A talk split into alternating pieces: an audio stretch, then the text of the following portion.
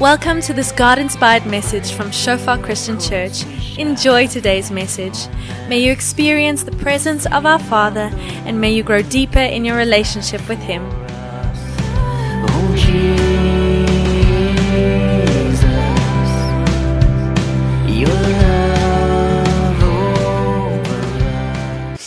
Welkom almal. My naam is Wian en uh, ek is die pastoor hier. So is my regtig eer en voorreg om vanoggend hier so te kan wees en ek wil sommer net eerstens ook ja almal aanmoedig wat hierso is en vir die wat by die huis is oor Zoom. Ons groet julle ook en vir die wat in isolasie is en siek is, ons bid vir julle. Uh, vir almal wat hierso is, ek wil julle ook sommer net eer en sê van ons kant af as kerk Ons sal altyd so ver as wat ons kan 'n geleentheid maak vir mense wat wil om bymekaar te kom. Vir die gemeenskap van God wat verstaan, die Here roep ons om om bymekaar te kom. Paulus skryf vir die Romeine in Romeine 1 vers 17 dan sê ek wens dat ek kon na julle toe kom om 'n geestelike gawe vir julle te gee. En wat ek daarmee bedoel is dat ons deur mekaar se geloof mekaar kan opbou. Dis ek's besig om vir julle 'n brief te skryf, maar daar's daar's iets wat gebeur as ons bymekaar is wat die brief nie kan oordra nie. Ek kan vir jou 'n YouTube video op oplaai, ek kan vir jou uh, 'n uh, ding rekord, maar hier bymekaar gebeur daar iets wat belangrik is. En dis hoekom God vir ons sê in Hebreërs 10:25, moenie die samekoms van die gemeenskap misloop nie, maar bemoedig mekaar al hoe meer ons die dag sien nader kom. En ons kan sien dat daai dag kom nader. En ons is hier om mekaar te bemoedig, maar wat hier gebeur, wat Woensdag by sel gebeur. Daar's iets belangriks daarin, daar's iets spesiaal daarin. Ons sal altyd so ver as wat ons kan die geleentheid maak vir die wat wil om by mekaar te kom. Maar met dit ook vir die wat oor Zoom is ons. Ons sê nou nie jy weet die wat hiersoos het baie geloof en die wat by die huis is het minder geloof nie. Laat dit vir jou wees volgens jou oortuiging. Laat wat jy doen 'n ingeligte besluit wees wat jy weet jy met vrymoedigheid voor God kan staan en maak. Here, dit wat ek doen, weet ek hoekom ek doen en vir die wat isoleer wat in aanraking was met mense wat siek is, ons eer julle ook dat julle wil veilig wees en dat julle die res van ons ook veilig hou en daarmee wil ons ook saam sê kom ons wees lekker streng met die regulasies as jy voel jy siek as jy as jy voel jy het ietsie bly eerder by die huis isoleer maar ons sal altyd die geleentheid maak vir die wat wil om by mekaar te kom want ons weet dat dis iets wat op God se hart is. Ons is nie net maar hier want ons ouers het besluit weet is lekker om op Sondag wat maak ons? Ag kom ons gaan kerk toe. Kom ons bou 'n ding daar want niemand weet wat op 'n Sondag te doen nie. Nee. God roep ons om by mekaar te kom maand om saam te bid woensdae om om fellowship te homself te hê om saam met mekaar lewe te doen. En so ver as wat ons kan, sal ons altyd probeer om beste van ons vermoë dit te doen sodat ons dit veilig kan doen.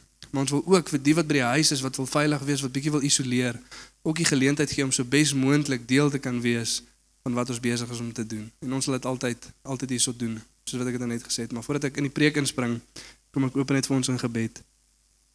Ja Here, dankie dat ek voor U kan kom, Vader. Dankie vir U goedheid, Here. Dankie vir U guns.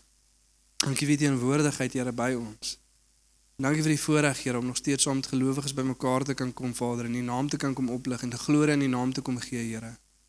As gemeente, Here, wil ons sê ons is lief vir U, Here. En ons weet, Vader, as dit verkondig, Vader, dan sal maar daai liefde kom al gehoorsaamheid, Vader. En ja, Here, dankie vir die vryheid wat daar is om U te dien, Vader. Vir elkeen, Vader, wat U ken, Here, wat weet wie U is, Vader, wat U liefde ervaar, Here, wat met U Gees vervul is, Vader. Dit wat U ons roep om te doen, Here, is nie 'n moeilike ding nie, dis nie 'n harde ding nie, Here. Maar die liefde van Christus dring ons Here met vrymoedigheid. Vir vryheid het Christus ons vrygemaak. Dankie Jesus vir u werk op die kruis en dankie Heilige Gees dat u hier by ons is. God met ons. In Jesus naam. Amen. So waar ons vanoggend bietjie gaan gesels is die fondasie van 'n disipel se mandaat. Die fondasie van 'n disipel se mandaat. Nou laasweek het ons bietjie gesels oor ewige voedsel, lewende water deur die feit dat as Jesus ons kom red en ons het 'n dors in ons lewe en ons elkeen is met daai dors groot gemaak, groot geword, gebore. En Jesus moet kom en red. Niemand is gered gebore nie. Jy weet en ongelukkig in ons kultuur waarin ons lewe as tradisionele Christene, as tradisionele Afrikaners, dink ons baie keer, "Jesus, maar kom ons gou check lysie. Praat Afrikaans, woon in Suid-Afrika, seker Christen." Ek het nog altyd daai op die check lysie ingevul, maar God sê nee, nee, nee. Daar's 'n dors wat geles moet word. Daar's 'n wedergebore wat moet gebeur. As die gees van God wat jou moet vervul, daar's jy wat moet oorgee aan God. Dit gebeur nie outomaties nie en as daai dag kom, is dit 'n wonderlike dag. En as dit gebeur, is ons dan geroep om myself te waarheid te verkondig in die wêreld daar buite en dit maak ons weer vol. Jesus nooi ons uit soos wat hy vir sy, sy disippels gesê het, my kos is om die wil te doen van hom wat my gestuur het. Ek kan dit nie vir jou verduidelik nie, ek kan jou uitnooi om saam met my te ervaar, maar jy moet dit doen om te verstaan wat ek sê. Ek kan nie verduidelik hoe proe die braaivleis nie, moet self hap vat. Moet dit self ervaar, dis iets wat jou moet volmaak.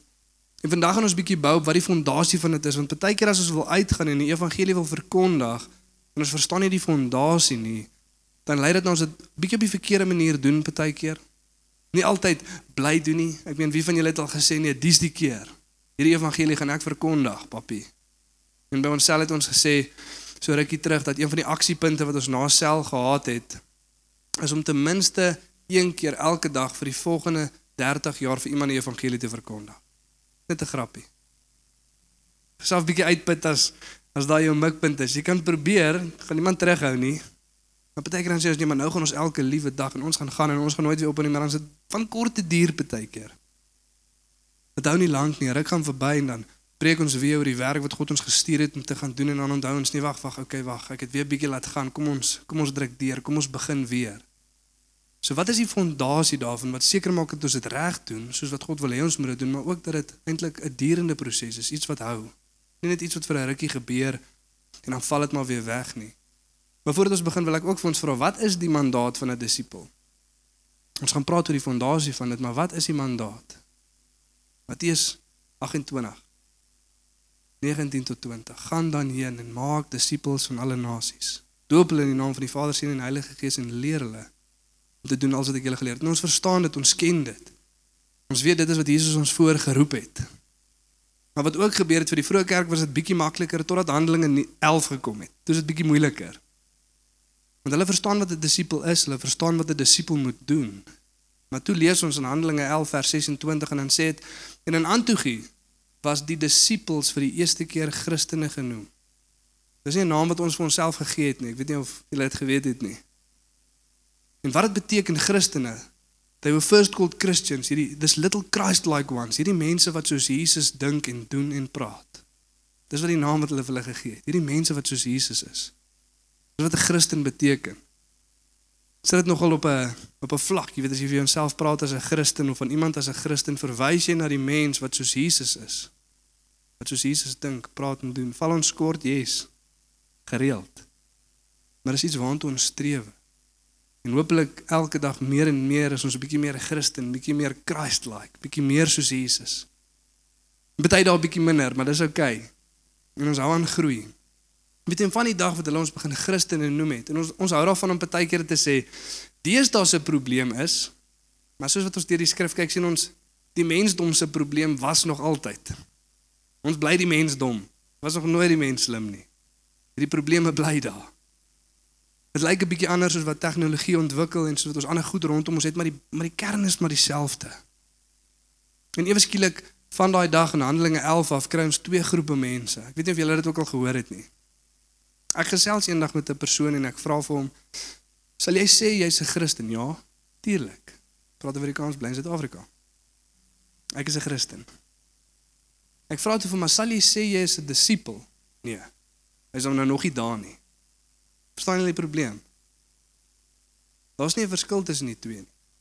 Partykeer dink ons dit. Ek is net 'n Christen, maar daai mense is disippels. Hulle is regtig besig om God te volg. Ek is maar net net gered. Ons dink daar's een of ander evangelie wat jou kan red, maar jou nie uitstuur nie. Wat jou kan red, maar jou nie reinig nie. Daar's nie so 'n evangelie nie. Die ware evangelie, it saves and it sanctifies and it sends us out. Dis wat dit doen. Daar's nie 'n ander een nie. Daar's net een evangelie. En dis 'n werk wat God in ons kom doen en dan deur ons wil doen. Elke liewe keer. So elkeen van ons is 'n disipel. Nie net 'n Christen, ons is geroep om disippels te gaan maak om uit te gaan. Dis wat ek sê, nie net iets wat van korte duur is nie, maar iets wat eintlik volhoubaar is. So kom ons lees lekker saam en dan kyk ons wat ons kan leer uit hierdie storie. Matteus 28 van vers 16 tot 20 word gesien as die die groot kommissie, the great commission. Die woord kommissie is 'n groep mense wat met 'n bepaalde opdrag of wat vir 'n bepaalde doel byeengeroep is. En hierdie is daai opdrag, hierdie is daai doel. Dit sê van vers 16 af. Die 11 disippels het na Galilea toe gegaan, na die berg waarheen Jesus hulle beveel het om te gaan. Toe hulle hom sien, het hulle hom aanbid, hoewel party getwyfel het. Jesus kom toe nader en sê vir hulle: "Aan my is alle mag gegee in die hemel en op die aarde.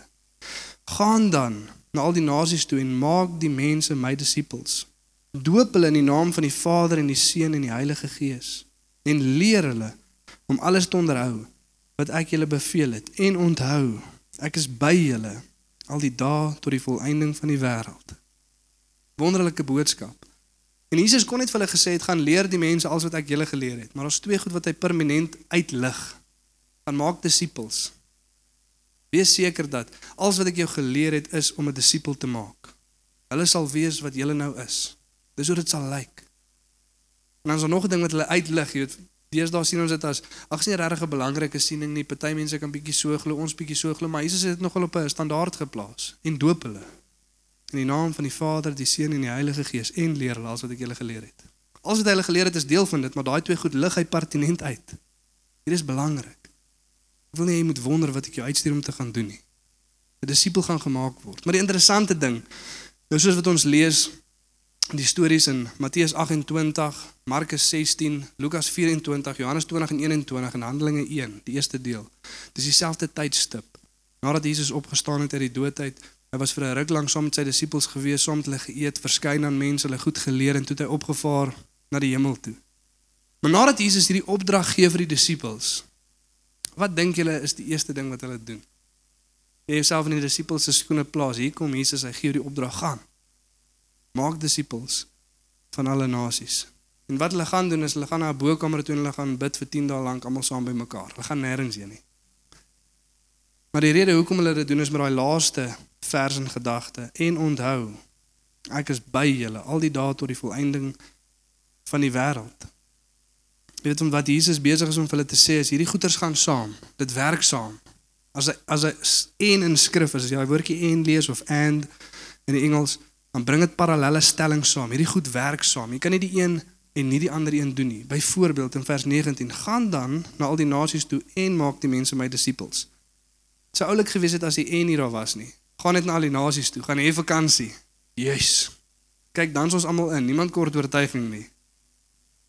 Jesus het gesê gaan gaan kyk na die wêreld. Jy weet ek was al oral gewees, maar as die en nie daar is nie, dan maak dit lekker sin nie. En maak disippels. Moenie net gaan nie, maak ook disippels en doop hulle. In die naam van die Vader en die Seun en die Heilige Gees en leer hulle om alles te onderhou wat ek julle beveel het en onthou. Ek is by julle al die dae tot die volëinding van die wêreld. En Jesus sê hierdie vir ons vir twee hoofsaaklike goeders. Eerstens ja jy moet gaan jy moet maak en onthou ek is by jou. Maar die rede hoekom hy vir ons sê hy's by ons is vir twee twee goed hoofsaaklik. Eerstens sê hy vir ons daar's niemand wat meer invested is in dit waantoe ek julle gaan stuur as ek nie vir elke liewe persoon totdat die volëinding van die wêreld wat gaan gaan om disippels te maak. Ek sal by hulle wees. Daar's niemand wat homself meer gegee het vir hierdie taak as ek nie.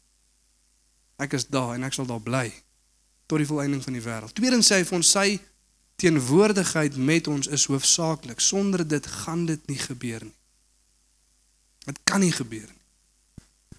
En dis hoekom die disippels gaan wag want in Handelinge 1 vers 4 is nie op die bord nie, maar dan sê Jesus vir hulle: "Gaan wag Moenie gaan nie.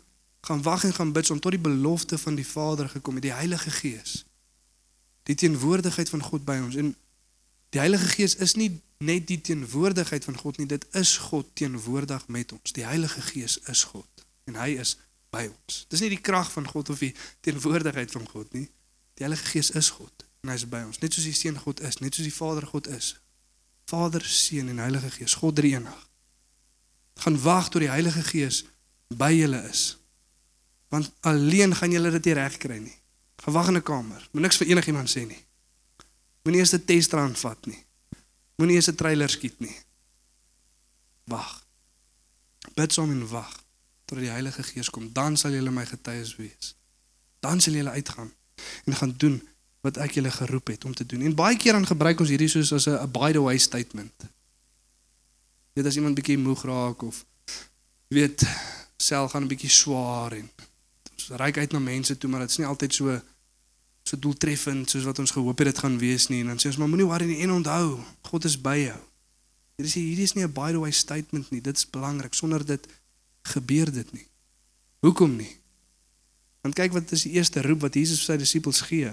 Matteus 4 vers 19 en Markus 3 vers 14 sê die volgende. Hy sê toe vir hulle: "Kom hier, kom saam met my en ek sal julle vissers van mense maak." Jy kan jou nie self 'n visser van mense maak nie, ek sal. Dit wat gaan uitvloei uit God se teenwoordigheid en jy by hom, is jy wat 'n visser van mense word. Dit kan niks anders kan gebeur. As jy regtig jouself heel hartig vir God gee en hom volg, sal hy jou 'n visser van mense maak. Wesel is al op die regte koers. Hy vis nou al ten minste vir vis. Een van die dae, wees, een van die dae. Ja, ek grap sommer net. En dan vers 4, 4 eh, 14. Hy roep toe 12 wat hy apostels genoem het, aangestel om by hom te bly sodat hy hulle kon uitstuur om te preek. Om by hom te bly sodat hy hulle kon uitstuur. Dit gaan gebeur as ons by Jesus bly, dan stuur hy ons uit. Dit sal gebeur. Niks anders kan daar uitvloei nie. Dis elke keer wat gaan gebeur. En dan moet ons ook osself 'n vraag vra. Ek hou van hoe hoe God in sy skrif sekere stellings maak en goed skryf. Ons kan onsself nie bedrieg nie. Ons kan onsself nie mislei as ons die woord van God reg lees nie. Want dan is die vraag wat ons onsself ook moet vra. Maar as ek God nou al jare lank volg, dan moes hy my nou al jare lank uitgestuur het. Daar is nie 'n ander uitvloei nie. En as ek sien maar vir jare lank was ek nog nooit uitgestuur nie. Dan moet ek myself vra, maar het ek regtig vir jare lank gevolg? Het ek regtig myself oorgegee of praat ek Afrikaans en ek bly in Suid-Afrika? Harde waarheid, maar waarheid nie te min. En nadat Werner gekom het volgende week week aan ons 'n bietjie chat oor hoe die evangelie oorgedra moet word hoofsaaklik gefokus op die tradisionele Afrikaner. Ons bietjie daar saam deurwerk as 'n gemeente. En kyk hoe doen mense dit, maar belangrik vir ons om te verstaan. Mense sien ons kan nie 'n disipel maak voordat ons 'n disipel is nie. Gaan maak disippels, maar die vraag is dan mas ek een. Jy kan nie 'n disipel wees sonder dat jy ten minste werk tot op 'n plek om 'n disipel te maak nie. Daar waar jy is, daar kan jy mense heen lei. As God jou gered het, kan jy vir hulle vertel, dis wat God in my lewe kom doen het en hy kan dieselfde vir jou doen. As jy jou woord optel in die oggend en jy lees deur daai stuk skrif, dan kan jy daai stuk skrif oordra aan iemand anders. Maar soos jy groei en soos jy volg, is jy geroep om wat jy inneem uit te gee vir die mense om jou. Soos jy groei, kan jy die mense om jou groei. Daar waar jy is, soontoe kan jy mense bring. En dis waartoe God ons lei. En baie keer as ons vergeet van God se teenwoordigheid by ons, dan word dit die grootste struikelblok vir die verkondiging van die evangelie. Want dan doen ons dit sonder dit wat ons moet kry in die teenwoordigheid van God en dan lyk dit nie soos wat dit moet lyk nie. So die vraag wat ons osself moet vra is: Hoekom is dit so belangrik? Wat gebeur in die teenwoordigheid van God? Wat gee hy vir ons? Wat leer hy ons? Wat so noodsaaklik is dat sonder dit dit nie gaan werk nie. Twee goed. En nie soos die eerste een. Markus 12 vers 30 en 31. Jy moet die Here jou God lief hê met jou hele hart, met jou hele siel, met jou hele verstand en met al jou krag. Die tweede is jy moet jou naaste lief hê soos jouself. Geen ander gebod is groter as die twee nie. Soos wat ons Jesus volg, soos wat ons hom leer ken, groei ons in liefde. En Jesus weet sonder die liefde vir God wat uitvloei in 'n liefde vir mense, word ons 'n struikelblok vir die evangelie. Soos wat Maria gesê het in sy preek toe hy gepraat het oor Johannes 3, myl in die skoene van Barnabas, toe hy Toby Mac quote gegee het. The biggest cause of atheism in the world today is Christians that confess to know Jesus by their mouths but deny him by their deeds. That is what an unbelieving world simply finds unbelievable. Maar hy sê dan hy glo maar dit lyk nie so nie. Waar is die liefde? En sonder die teenwoordigheid van God sal die liefde nie groei nie. Selfsug ja, hoogmoed ja, trots, maar liefde nie. Liefde groei in die teenwoordigheid van God. Ons lees in 1 Johannes 4 vers 7, is nie op die bord nie, maar dan sê dit broers, laat ons mekaar liefhet want liefde is van God. Die een wat liefhet, ken God. Hoe meer ons God ken, hoe meer het ons lief, want God is liefde. Ons kan lief hê want hy het ons eerste lief gehad. Maar die teenwoordigheid van God groei ons in liefde. Paulus skryf 2 Korintiërs 5 vers 14. So ek op die bord nie, maar die liefde van Christus dring ons. Dis dit wat ons uitstuur. Omdat ons die liefde van God verstaan, gaan verkondig ons vir die wêreld dat Jesus Christus red. Deur alles, dan gaan lees jy in hoofstuk 6 waar deur hulle gaan. Toegesluit, arm, in die tronk gegooi, gestenig, geslaan, maak nie saakie. Maar hy sal aanhou want hy verstaan die liefde van Christus wat hom dring. Dis daai liefde waarna ons moet groei. En dis ook die grootste getuienis wat ons gaan uitstraal na die wêreld toe. Wat sê Johannes 13:35? Deur wat sal hulle weet? Deur die liefde wat julle vir mekaar het, sal hulle weet dat julle my disippels is. Deur julle liefde vir mekaar sal hulle weet. Vat ons na punt nommer 1 toe volgende. Die mandaat van 'n disipel. In die teenwoordigheid van Jesus groei ons in liefde wat die groot opdrag versterk en ondersteun. Dis die groot gebod. Jy kry die groot opdrag en die groot gebod. In die teenwoordigheid van Jesus groei ons in liefde wat die groot opdrag versterk en ondersteun. Die twee vloei altyd in mekaar in. Soos wat ons God liefhet met alles in ons en ons naaste soos onsself, gaan verkondig ons aan hulle die boodskap van die evangelie. Vir die van julle wat kan onthou laas jaar toe lockdown net begin het, ek dink ons het dit net in Engels gedoen vir die Engelse gemeente. Toe het ons 'n reeks gedoen Love Does. Wat doen liefde? Wat doen liefde? Vir die mense om jou wat gered is, ons stap 'n pad van disippelskap saam met mekaar. Daar's niks beter wat ek vir jou kan doen of hoe ek jou meer kan lief hê as 'n pad van disippelskap saam met jou stap as jy klaar die Here ken nie. Dis wat liefde doen. Vir 'n wêreld wat nie gered is nie, wat doen liefde? Dit gaan verkondig dat Jesus Christus red. Kyk, ek kan vir jou 'n klomp ander goed gee en doen en mee ondersteun, maar as jy nie dit het nie, help niks. Dis wat liefde doen. Liefde gaan verkondig dit uit. Dis nie teenwoordigheid van God. By Johannes en sy broer, skrif noem hulle the sons of thunder. Kyk in Lukas 9 dan kom hulle by 'n groep mense aan Dan wil hulle nie hoor wat Jesus sê nie en daai twee besluit hoe hulle gaan na Jesus toe gaan en vir hom vra: "Here, moet ons vuur afroep op hierdie mense?" Ek meen, dink jouself in. Here, moet ons vuur op hulle afroep? Want hulle wil nie luister nie. En vandag staan Johannes bekend as die disipel van liefde. Dis hy wat skryf meer as enige ander ou. Laat ons mekaar lief hê. Broers, kom ons hê mekaar lief. Julle God is liefde en as ons God ken, het ons mekaar lief. Sons of thunder into the apostle of love. Dis dit gebeur in die teenwoordigheid van God. Kyk, baie keer wil ons ook seker vuur afroep op mense. Maar onthou ons is bietjie te naby aan Sas, wil jy hou eerder die vuur een kant, want dan is ons ook daarmee heen. Maar die oomblik as ons hierdie nie verstaan nie en ons dit nie begryp nie en as dit nie groei in ons nie, dan word ons die grootste struikelblok vir die boodskap van die evangelie. Mense wat seer seer gemaak word in die naam van Christendom. Omdat mense wat hulle self iets noem, maar nie iets doen nie op 'n sekere manier optree. Kry mense seer. Jy moet ook nie verkeerd verstaan nie dat elke regte gelowige wat God ken, sal nooit van God af weggaan oor wat mense doen nie. Dan is jou geloof nooit in God geplaas nie. Altyd in mens. En ek wil jou ook sê ons gaan jou ook teleurstel een of ander tyd. Kyk ek gaan vir jou iets sê waarvan jy nie hou nie of jy vir my of iets doen waarvan jy nie hou nie. Dit gaan gebeur want ons is mense. En ons skiet kort. Ek sê nie weer kyk ons een een een stelling in skrif wat baie keer gelukkige stelling is en baie keer 'n ongelukkige stelling. En dit is hier kom die disippels. In vandag se tyd self. Baie keer 'n gelukkige ding, jy sien kom die disippels, hulle kan hierdie mense van God vertel, maar ander keer dan kom die disippels en dan oordeel ons 'n bietjie. En dan dink ons ons is beter as. Baie keer kry ons dit reg en baie keer sit ons die pot heeltemal mis.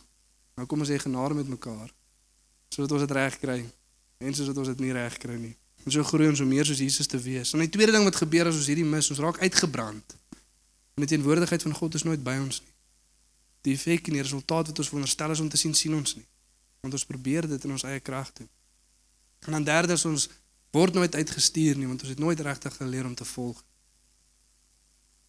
Maar gebeur dan net. So dis die eerste een. Maar dan so 'n tweede ding wat uitvloei uit die teenwoordigheid van God uit, wat die fondasie vorm van die mandaat waarmee ons uitgestuur is. En dit lei hoofsaaklik na twee goede, maar kom ons kyk na die eerste een. Jesus sê hierso in vers 18 en vers 19. Jesus kom toe nader en sê vir hulle: "Aan my is alle mag gegee in die hemel en op en op die aarde. Gaan dan. Gaan dan." Die engel sê go therefore. Gebaseer op wat ek nou net vir jou gesê het, gaan daaroor. Oordat ek alle mag het, oordat ek alle autoriteit het, gaan dan. Go therefore. Maar die vraag wat ek vir onsself wil vra is, hoe verander die feit dat Jesus alle mag en autoriteit het ons benadering tot disippelskap? Hoe is dit veronderstel om ons benadering om die mense van die wêreld te bereik te verander? As ek sê Jesus Christus het alle autoriteit, hy het alle mag en hy stuur my uit, hoe verander dit my my benadering? Sien in stelling 1 kom ons agter, niemand kan iemand verander behalwe Jesus nie. Dis die liefde van God wat kom in 'n werk doen. Dis nie ons nie. So dit help nie ons gaan uit en probeer mense verander nie. Want net Jesus kan. So wat is die eerste ding wat ons dan moet doen? Is bid. Bid en vra vir die een wat kan red om te kom red. Die apostels het dit verstaan. Kyk wat skryf Paulus vir Timoteus. 1 Timoteus 2 van vers 1 tot 5.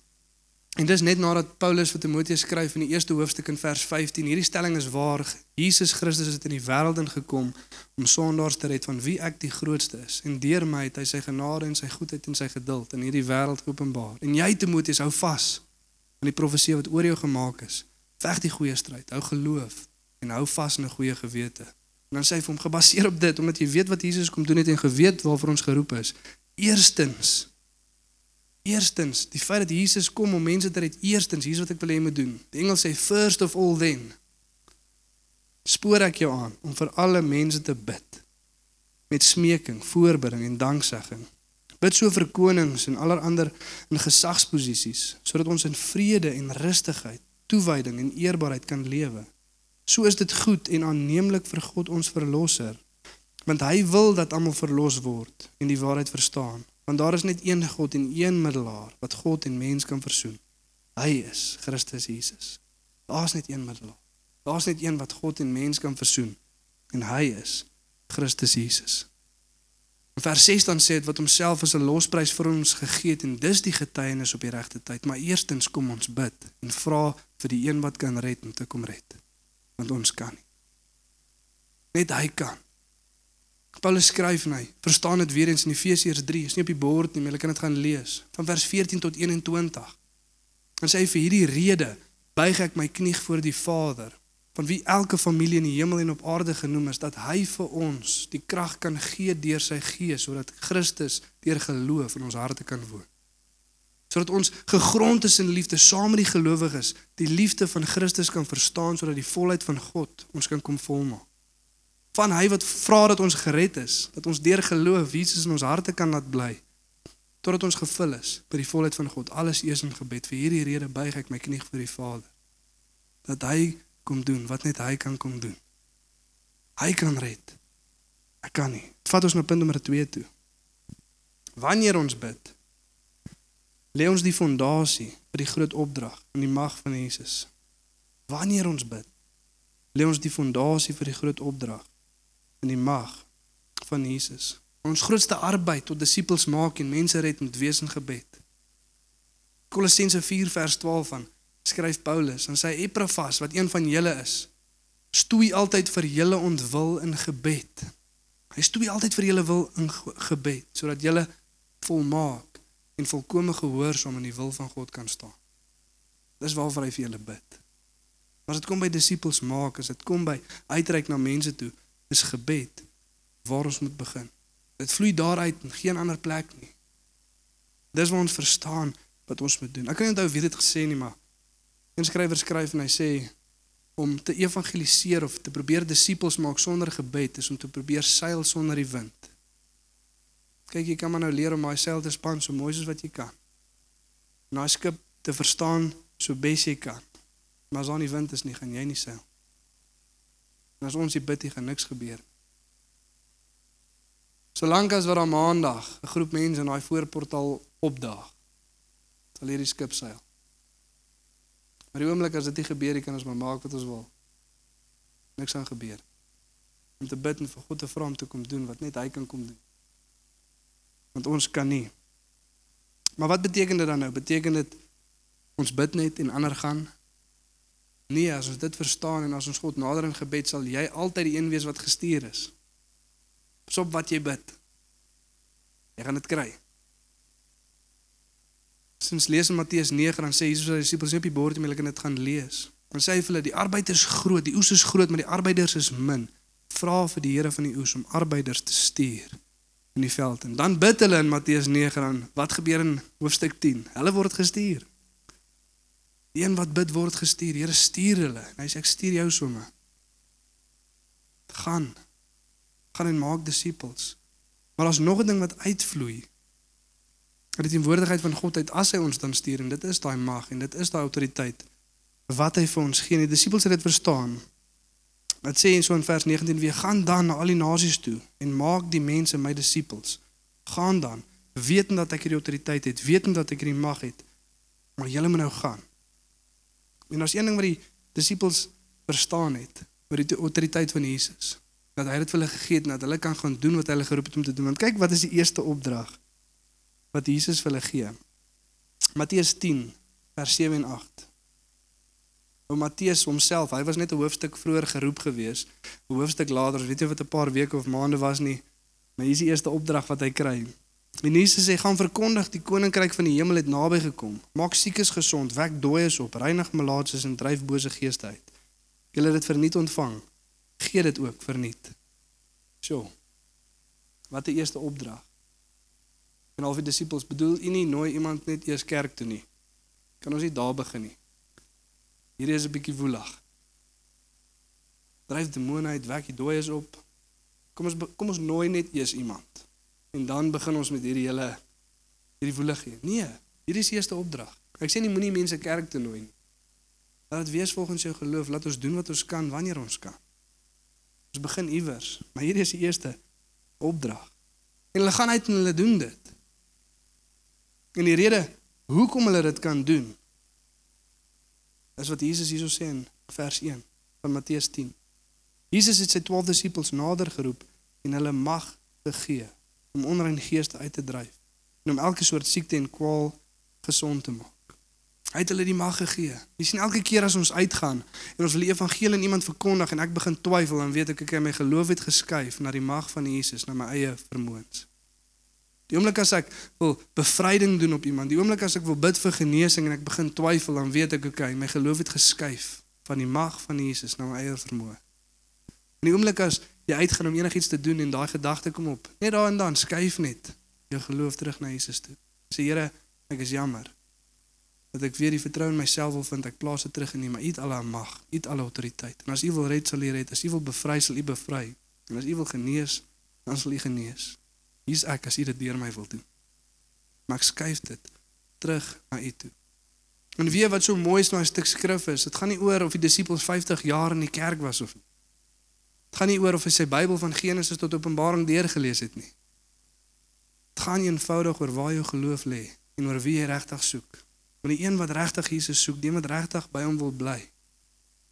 Vir hom sal Jesus daai mag gee.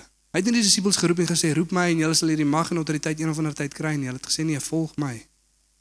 En omdat hulle bereidwillig was om Jesus te volg en dit alleen was die autoriteit en die mag gegee. Luister wat skryf hier in Bounds, is nie op die bord nie. Maar ek sal dit vir ons twee keer lees. Dit sê This authority is not the gift of genius. It is not found in the halls of learning. No eloquence can woo it. No industry can win it. It is a gift of God, the signet set to his own messenger. It is heaven's knighthood, given to the true and brave ones who have sought him through many an hour of tearful, wrestling prayer. This authority is not a gift of genius. It is not found in the halls of learning. No eloquence can woo it. No industry can win it. It is a gift of God, the signet set on his own messenger. It is heaven's knighthood given to the true and brave ones who have sought him through many an hour of tearful, wrestling prayer. As ek God alleen soek, dan gee hy dit. Jy sien dis die ding van die Here, jy kan hom nie soek om iets anders te kry en dit kry nie. Sê hoe dit werk nie. Partykeer dan dink ons maar as mens so, ek wil graag hierdie ding hê, ek wil graag genesing hê, voorsiening, deurbraak, autoriteit. Maar ek weet ek kan dit net kry as ek God soek. So nou gaan ek hom soek, maar jy weet jy doen dit nie met 'n opregte hart nie en jy kan maak wat jy wil, jy gaan dit nie kry nie. Dit is ons hom soek en hom alleen bo alles. Wat hy vir ons gee om te doen wat hy ons geroep het om te doen. Maar as hy ons uitstuur, sal hy ons onderhou. As 'n storie van Reinhard Bonke is my laaste storie en ons afsluit. Ek weet nie wie van julle hom ken nie, maar ook 'n groot vriend van Shofar gewees. Hy's nou onlangs oorlede. En een van ons pastore in Stellenbosch, Sias, hulle saam met hom op 'n sendingswerk. Hulle het uitreike gehou in Nigerië en in Lagos waar daar miljoene mense opdaag. Miljoene mense tot bekering kom en soos wat hy preek en goeie kere gaan dan gooi die mense hulle rolstoele in die lug. Niemand hoef te bid of die hand op te lê nie as God wil kom nees, dan genees hy. En soos wat hy van 'n plek af stap waar al letterlik honderde duisende mense nou net tot bekering gekom het. Slopat Hotel toe. En op pad hotel toe sien hulle hy stop en hy gesels met een van die sekuriteitswagte. En hulle is toe een kant hulle is nogal moeg, hulle wil by die hotel uitkom en nou wag hulle vir Reinhard. Hulle sien ook nee, maar wag 'n bietjie, hierdie vat nou nogal bietjie langer as wat ons gedink het. En hulle stap nader. En hulle wil hoor, maar wat is dit hy besig om te sê? En hy is dieselfde boodskap wat hy nou net vir 4 miljoen mense gepreek het. Preek hy vir daai een sekuriteitswag. En Sia sê hy kon voel in sy hart hoe God sê, ek gee vir hom die miljoene want hy gee om vir die een. Maar of 100 000 tot bekering kom of ek een kan lei na God toe ek gaan doen wat God my geroep het om te doen. Dan wonder mense hoekom gebeur, want is genoeg vir hom om een tot bekering te lei as niemand kyk nie. Dis waar dit gaan. Vat ons na punt nommer 3 toe. Die teenwoordigheid en mag van Jesus gee ons vrymoedigheid om te gaan en disippels te maak. Die teenwoordigheid en mag van Jesus gee ons vrymoedigheid om te gaan en disippels te maak. Ek hou van die Engelse woord boldness. Gee ons daai boldness om uit te gaan, maar ek weet die een wat my gestuur het, het my autoriteit gegee om te gaan en hy homself is by my. 2 Korintiërs 5:21 skryf Paulus, ons is gesande van Christus. God doen sy beroep deur ons. Wees aan God versoen. Hy doen dit deur ons. Hy's by ons. Hy stuur ons uit. En ek wil ons aanmoedig soos wat ons God soek in gebed, soos wat ons bid vir die mense en weet dat hy getrou is. Deur die hele boek van Handelinge dan lees ons en God het by hulle nommer toegevoeg. Ja, hulle het die werk gedoen en God het deur hulle gewerk, maar God het tot hulle nommer toegevoeg. Hy is die een wat sy koninkryk bou. Ons het die voorreg om dit saam met hom te kan doen, maar hy bou. En soos wat ons soek in gebed, soos wat ons die gebrokenis van hierdie wêreld sien, vir die Here sê, Here kom red, dan gaan ons altyd daai woorde hoor. Al autoriteit is vir my gegee. Gaan jy en maak disippels van die nasies. Doop hulle in die naam van Vader, Seun en Heilige Gees en leer hulle te doen wat ek my disippels geleer het om te doen. Ons sal altyd die mense wees wat gestuur is. My vrou sê as die kerk kan ons nooit sê iemand anders sal gaan nie. Want as die kerk is ons altyd geroep om iemand anders te wees. We are called to go. So kom ons verstaan volgende op en dan bid ons lekker saam.